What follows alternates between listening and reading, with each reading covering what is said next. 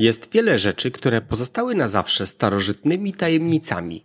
Są to produkty lub techniki, które były stosowane w przeszłości, ale które od tego czasu zostały zapomniane lub zagubione. Na przykład damasceńska stal. Dla większości z tych rzeczy odtworzono, w jaki sposób wykonywano dane produkty i zwykle w sposób, który jest lepszy niż to, co było robione przed wiekami. Dowiedz się więcej o greckim ogniu, o tym jak działał i jak zagubiono sekret w tym odcinku Wszystko Wszędzie. Zapraszam, bądźcie ciekawi.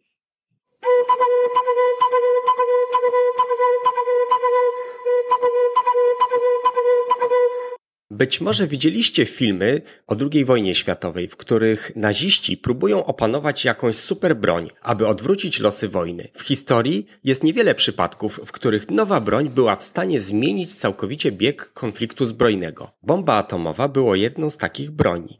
Grecki ogień był drugą z pozostałych. Grecki ogień był starożytnym wojennym odpowiednikiem bomby atomowej, a dokładniej starożytnym odpowiednikiem napalmu. Grecki ogień był łatwopalną cieczą, która była używana przez Bizancjum, jak również przez Cesarstwo Rzymskie od roku 672 naszej ery.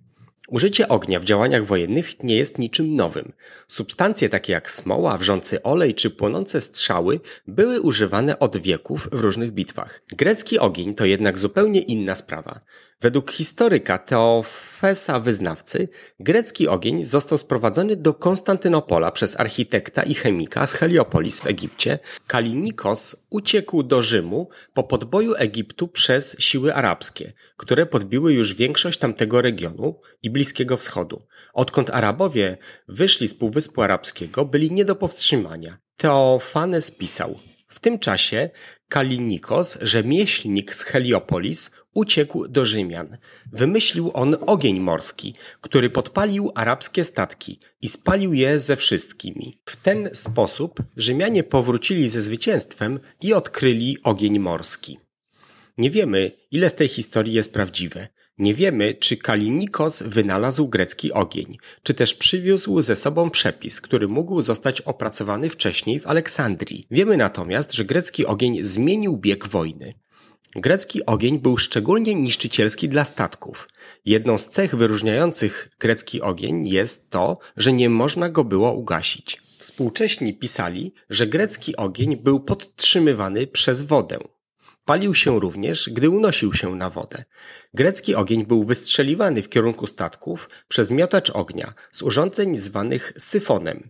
Były to duże krućce z brązu, z których grecki ogień był wypompowywany na wrogie statki. Ogień podobno wydawał potężny huk, gdy zostawał wystrzelony. Palił drewno, tkaniny i mięso. Według doniesień jedyną rzeczą, która mogła ugasić grecki ogień, był ocet i stary mocz. To oczywiście implikuje dwie ważne rzeczy. Po pierwsze, ktoś próbował ugasić ogień świeżym moczem. A po drugie, ktoś inny w pewnym momencie miał przy sobie stary mocz, który leżał w pobliżu, aby ugasić pożar. Podczas pierwszego i drugiego arabskiego oblężenia Konstantynopola grecki ogień był jednym z krytycznych czynników, które pozwoliły Rzymianom odeprzeć ataki Arabów. Gdyby nie grecki ogień, jest całkiem możliwe, że Imperium Rzymskie mogłoby upaść prawie 700 lat wcześniej. Byłaby to niepowetowana strata. Kiedy na miejscu pojawił się grecki ogień, mieszkańcy Konstantynopola myśleli, że to dar od Boga. Przybył w samą porę, aby uratować ich przed niemal pewną porażką. Przez wieki grecki ogień był używany w bitwach, powstrzymywał wrogów i pozwolił imperium pozostawać przy życiu. Ostatecznie broń została użyta w wojnie lądowej do ataku z machinami oblężniczymi jako pociski. Rozwijano też granaty wypełnione greckim ogniem, a z katapult często wystrzeliwano belesiana nasączonego greckim ogniem. Grecki ogień stał się tak ważny dla obrony imperium, że cesarze nakazali utrzymywanie go w tajemnicy państwowej.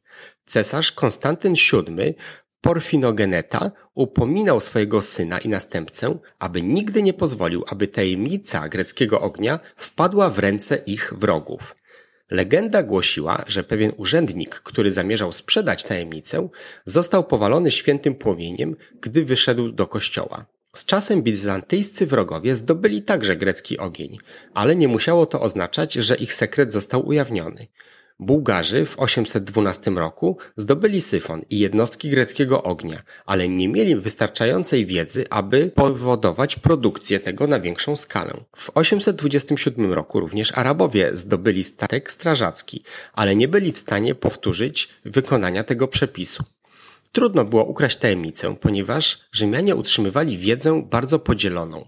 Mniej więcej tak jak dzisiaj, Bill Gates utrzymuje podzielony kod dla swoich głównych produktów, czyli Office'a i Windowsa. Ludzie, którzy tworzyli grecki ogień jako substancję chemiczną, nie wiedzieli i nie mieli pojęcia na temat produkcji syfonów, które go wystrzeliwały. A ludzie, którzy produkowali syfony do wystrzeliwania greckiego ognia, nie mieli pojęcia, jak należy je obsługiwać. Jak się przekonali Bułgarzy, bez znajomości całego systemu uzbrojenia nie można było łatwo wykorzystać ukradzionego sekretu greckiego ognia, nawet jeżeli udało się zdobyć jego próbkę.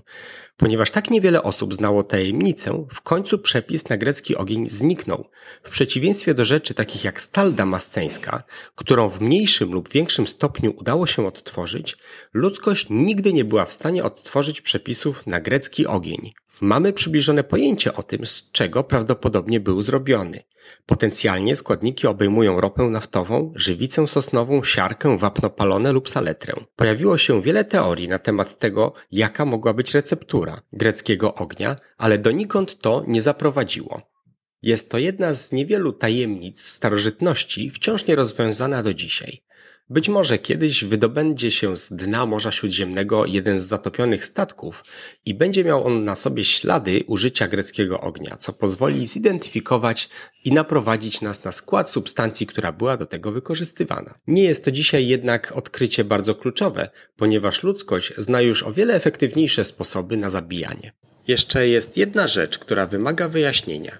W odcinku z 15 lutego o punkcie Nemo zadałem otwarte pytanie, gdzie jest punkt Nemo w Polsce? Punkt Nemo to najbardziej oddalona od stałych osad część polskiego lądu lub polskiego szelfu kontynentalnego. Spekulowałem wówczas, że polskim punktem Nemo będzie jakiś punkt w Bieszczadach. W moim pojęciu na przykład wokół źródeł Sanu. Okazuje się, że nie miałem racji i to całkowicie nie miałem racji. Polski punkt Nemo znajduje się na polskich wodach terytorialnych w okolicach podejścia do portów w Szczecinie i Świnoujściu.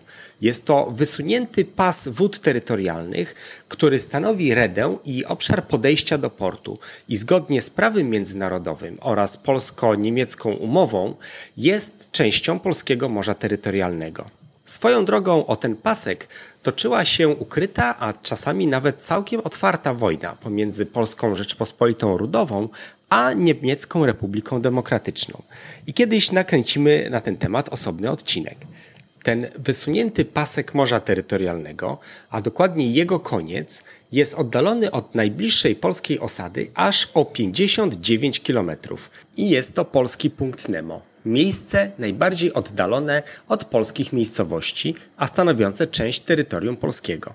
Według tego samego słuchacza o pseudonimie Mikrub 2020 lądowy punkt Nemo w Polsce znajduje się na mierzei jeziora Łebsko na Pomorzu Środkowym i jest oddalony od najbliższych osad o 8 kilometrów. Dziękuję za pomoc i dzięki temu mamy zidentyfikowane punkty Nemo w Polsce. Lądowy na mierzei jeziora Łebsko oraz morski na redzie podejścia do portu w Świnoujściu i Szczecinie. Dziękuję za uwagę i bądźcie ciekawi.